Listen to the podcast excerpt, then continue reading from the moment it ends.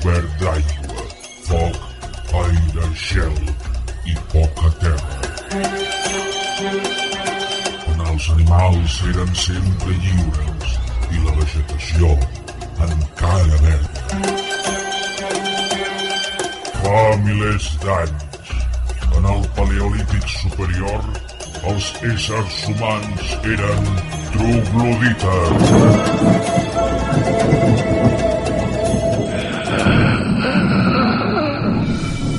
Ara, aprofitem el descans del troglodita per llegir. Aquell subjecte nou era diferent dels de més de la cova. Era alt com un gos gran i ample com un lleó.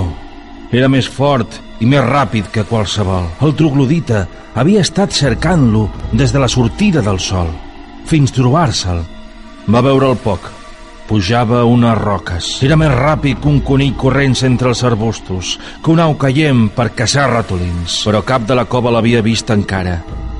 Només l'havia vist el troglodita. El troglodita no és individu, encara no és humà, i ara descansa a sobre d'una pedra.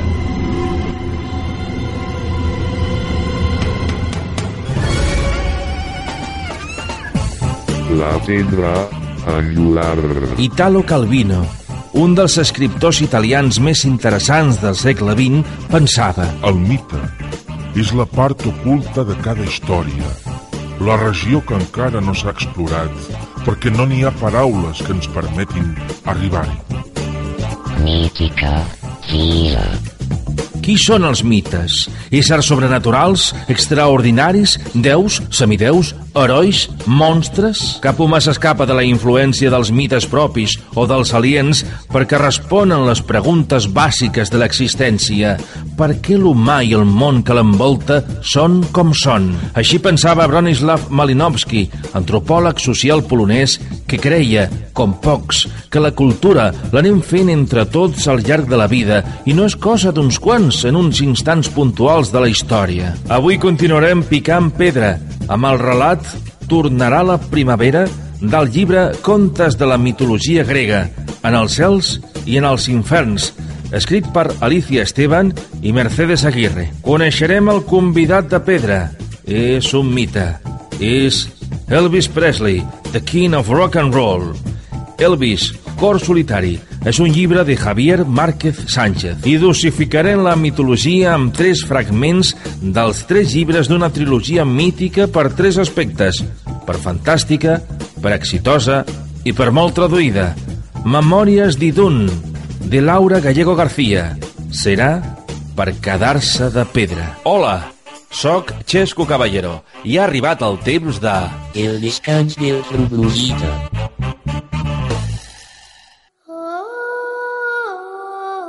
Per casar-se de pedra. Memòries, Visum, la resistència. Autora, Laura Gallego García. Ediciones S. M.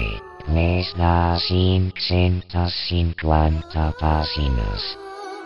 Ja era de nit, una nit de finals de maig, i un noi de 13 anys pujava en bicicleta per una carretera comarcal vorejada d'altes coníferes, de retorn de casa, una granja al costat d'un petit bosc. Era Jack. Feia ja un parell d'anys que vivia amb els seus pares a una granja als afores de Sickelborg, una petita ciutat danesa, i totes les tardes, en sortir de classe, si el temps ho permetia, efectuava aquell trajecte en bicicleta. Li agradava fer exercici i, a més, el recorregut vora del bosc el relaxava i apartava de la seva ment totes les preocupacions.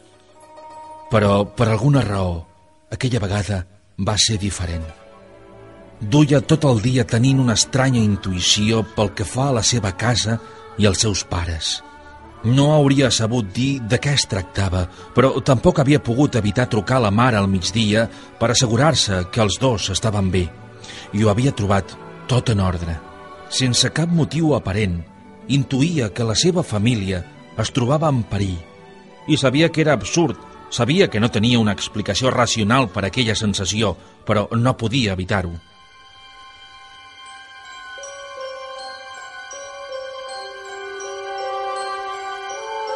Quan va arribar a la granja, per fi, el cor estava a punt d'esclatar-li de l'esforç. Va deixar la bicicleta llançada al costat del rafal, sense preocupar-se per guardar-la, i va córrer cap a l'entrada. Es va detenir de sobte, amb el cor bategant-li amb força. No va poder evitar-ho. Va tirar a córrer de nou cap a la porta de la casa, la va trobar entreoberta i va entrar.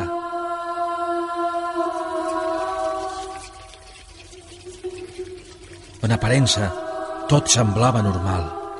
La llum del saló estava encesa. S'escoltava el murmuri apagat del televisor. Però respirava un ambient estrany. Tremolant, va entrar en el saló. El seu pare estava assegut en el sofà, enfront del televisor, d'esquena a ell. Podia veure el seu cap descansant sobre el respatller. Papa? No va haver resposta. Va envoltar el sofà i després d'un breu instant de vacil·lació va mirar el seu pare a la cara. Estava immòbil, pàl·lid, amb els ulls oberts de bat a bat, desenfocats, mirant a cap part. No havia cap senyal de sang o violència en el seu cos.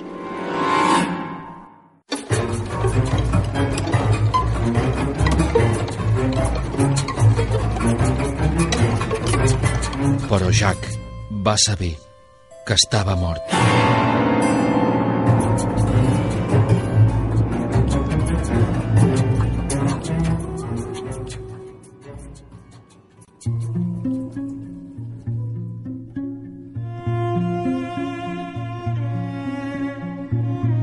Tican tindrà.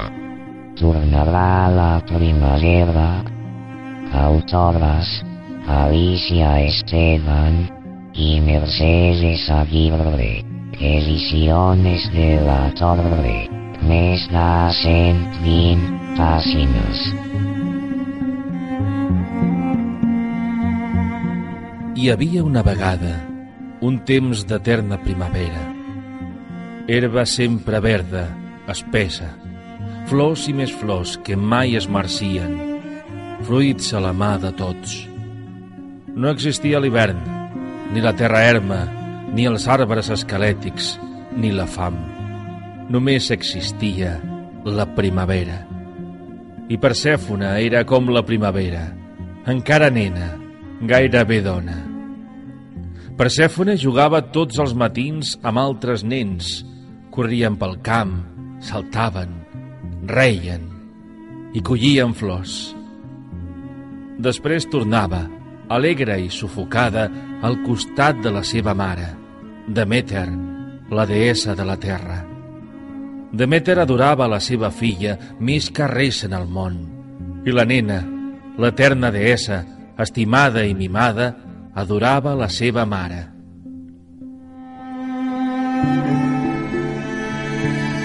Quan arribava Persèfona, Demeter somreia i tota la terra i el cel, sota el manament diví, també somreien i brillava el sol i creixien les plantes.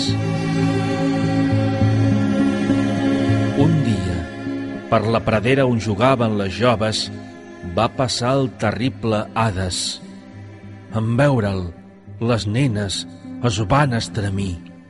Però el Déu, d'entre totes, només va veure una, perquè d'entre totes una destacava, esbelta, tendra, esplendorosa i fragant, a semblança de les flors del seu entorn. Era Persèfona.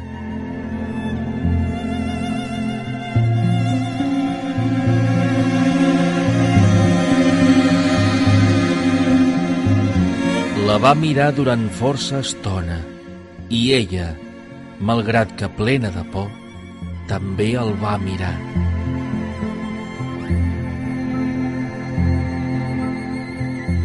Des d'aquell dia, cada matí passava Hades en el seu carro i sempre, durant un segon, es detenia a contemplar Persèfona mentre ella, atemorida, però atreta, sense saber per què, no podia apartar els ulls d'ell. Després es quedava pensativa, torbada. Potser pressentia el perill. Però quan tornava a casa no gosava explicar res a la seva mare. I molt aviat els seus mimos, les seves carícies i l'amigable xerrera entre amb dues li feien oblidar-ho. Hades, mentrestant, s'allunyava d'aquell paratge de nenes i de flors i de sol llampant amb tot el seu ésser commogut. S'allunyava d'enllà i sentia que abandonava la llum i la vida. S'allunyava d'enllà i s'adentrava a poc a poc en un món de tenebres. Va arribar el Déu Hades a casa seva el seu tenebrós regne subterrani, als inferns. La seva mirada era encara més ombrívola que de costum. Els seus propis súbdits van tremolar.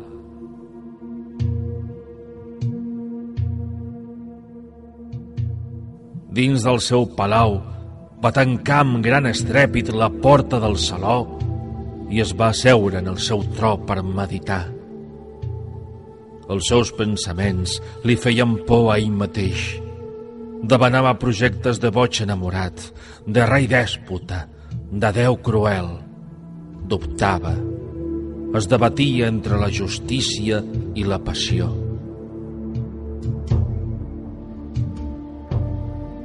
Tota la nit, les llargues hores de la nit.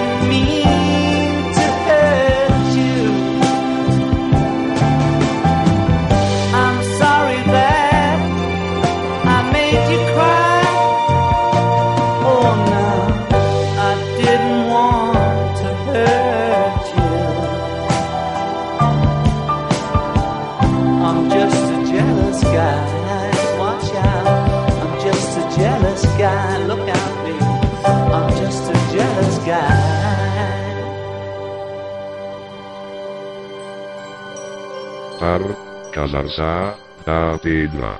Memòries, Visum, Sriase, autora, Laura Gaego García, ediciones S, M, més de 750 pàgines.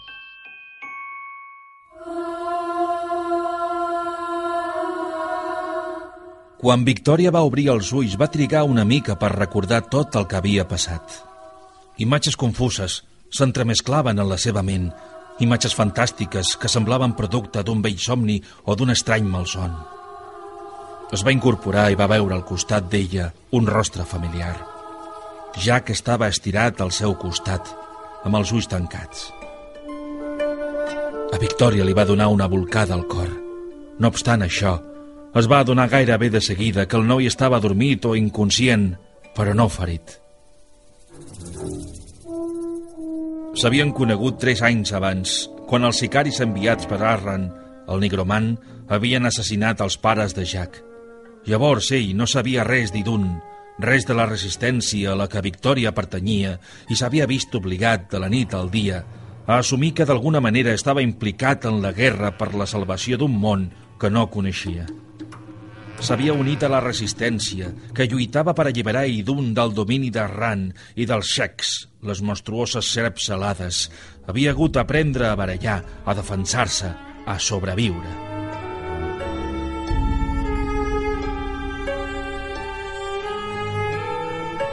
Però també havia conegut a Victòria. La noia va somriure, evocant la seva primera trobada. Llavors ells eren uns nens encara, però ara havien crescut, i l'amistat que els unia s'havia convertit en una mica més, en un sentiment més intens i més profund, que s'havia fermat quan els dos s'havien esbrinat, tot just unes setmanes abans, que la seva destinació estava escrita fins i tot abans del seu naixement i que ells dos eren els escollits per a derrotar a Nigromant i salvar Idun. Perquè en el seu interior bategaven els esperits de Yadrac i Lunaris, l'últim drac i l'últim unicorn, els únics que, segons la profecia dels oracles, serien capaços d'acabar amb el poder d'Arram. Victòria es va estremir i va alçar la mirada cap a les estrelles. No volia fer-ho, perquè sabia el que anava a trobar en aquell vell cel violaci. Però també sabia que havien donat un pas definitiu i que no havia tornada enrere. Va contemplar amb resignació, gairebé amb odi, les tres llunes que brillaven en el firmament. Es va seure a terra i va mirar al seu voltant. Acabaven de travessar la porta interdimensional.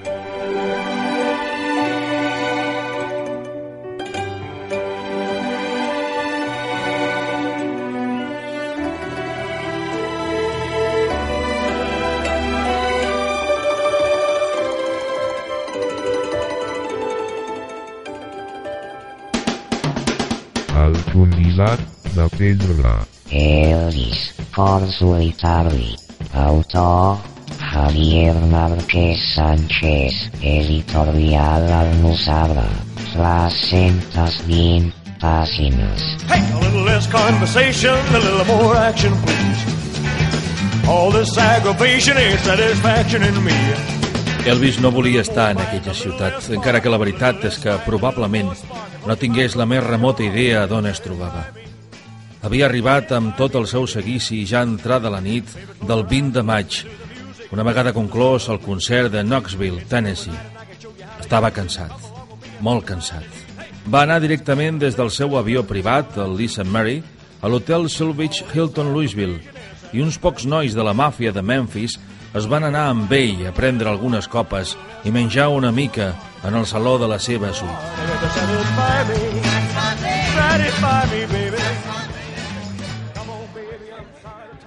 Larry Geller era un dels presents i probablement l'únic que va insistir Elvis perquè s'anés a dormir per descansar una mica. Però el rei tenia els ulls com plats, enrogits però incapaços de lliurar-se a un somni reparador. Larry ho va fer fins que ja no va poder més. Escolta, Elvis, he de dormir. Et veuré quan et despertis. Vés-te a descansar, noi.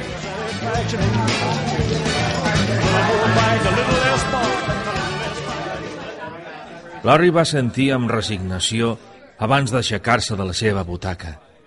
En sortir de la suite va fer un últim cop d'ull a aquell home al que tant admirava, embotit gairebé a pressió en un sandall que marcava el seu considerable excés de pes.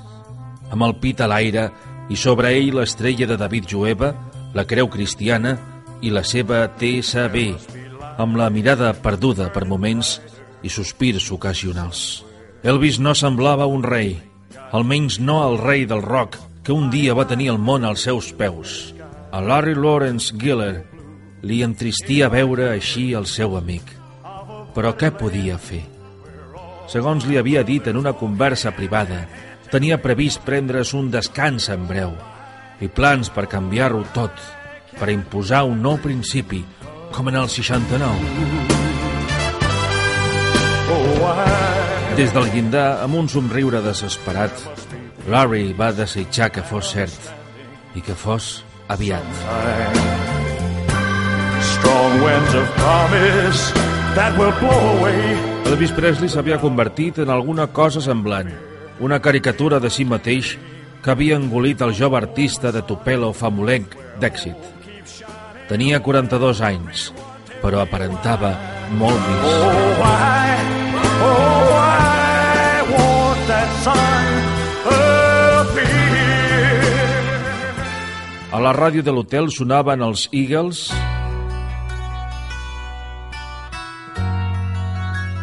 la Creedence Clearwater Revival, David Bowie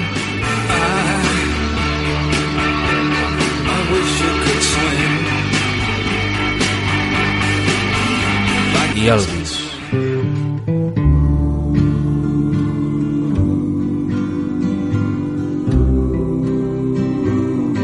Per a l'endemà, el 21, estaven venudes les 18.000 entrades disponibles per a veure'l en el Freedom Hall de Louisville, a uns pocs quilòmetres de l'hotel. No cabia dubte que seguia traient públic, però sense saber-ho, aquest públic li estava matant. No anaven a veure-la ell, sinó al mite. I per això el mite tenia pres a Elvis. Com més creixia el mite d'aquell Elvis gloriós, més es perdia l'home. You were always on my mind.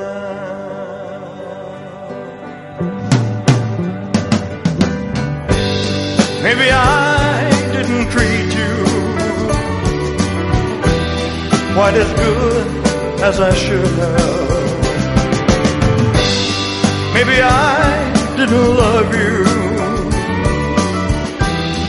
quite as often as I could have. Maybe I didn't hold you all those lonely, lonely times. And I guess I never told you I'm so happy that you're mine.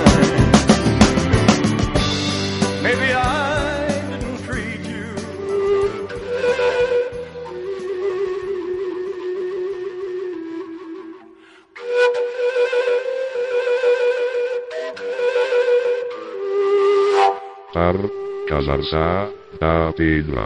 Memòries, Visum, Panteó, autora, Laura Gaego García, ediciones S, M, més de 940 pàgines. La màgia no era suficient.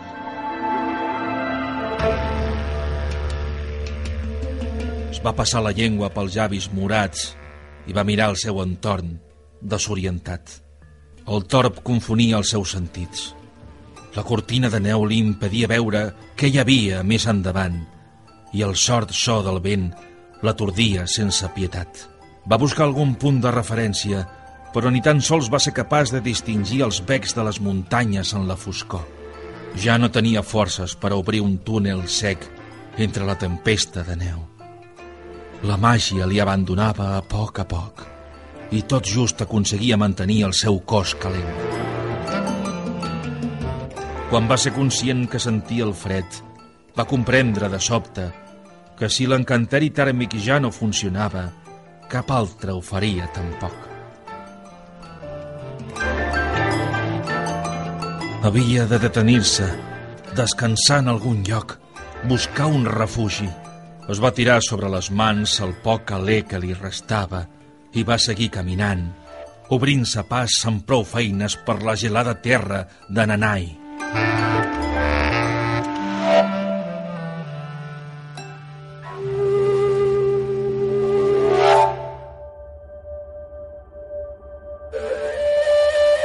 No obstant això, va tornar a detenir-se uns metres més enllà, els seus sentits de mag li alertaven d'un perill indefinit, ocult en algun lloc de la tempesta. O tal vegada la seva intuïció, igual que la seva màgia, li estaven fallant també. No va tenir temps de preparar un encís de protecció abans que la bèstia se li terés damunt.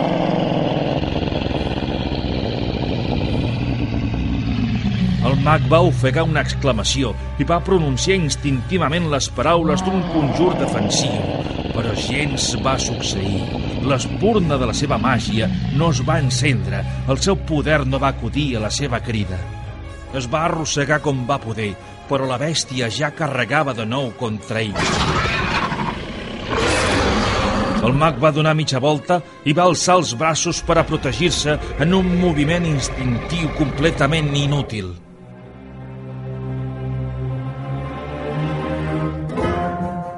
Quan les urpes de la bèstia es van enfonsar en la seva carn, el jove bruixot va cridar de dolor i de terror i es va preguntar amb incredulitat com era possible que hagués arribat tan lluny per acabar d'aquella manera. La bèstia va corejar el seu crit amb un grunyit, però inesperadament va donar un grunyit i va emetre un planyívol udol de dolor. Va fer un esforç per allunyar-se de la seva víctima, però les potes no li van obeir. I ja està.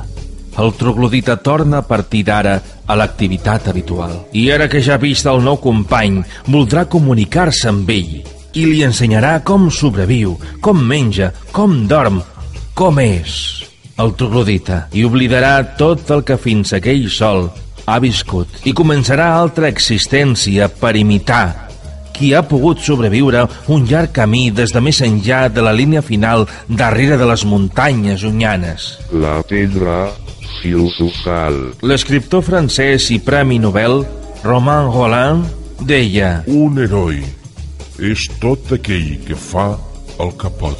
fins la propera lectura.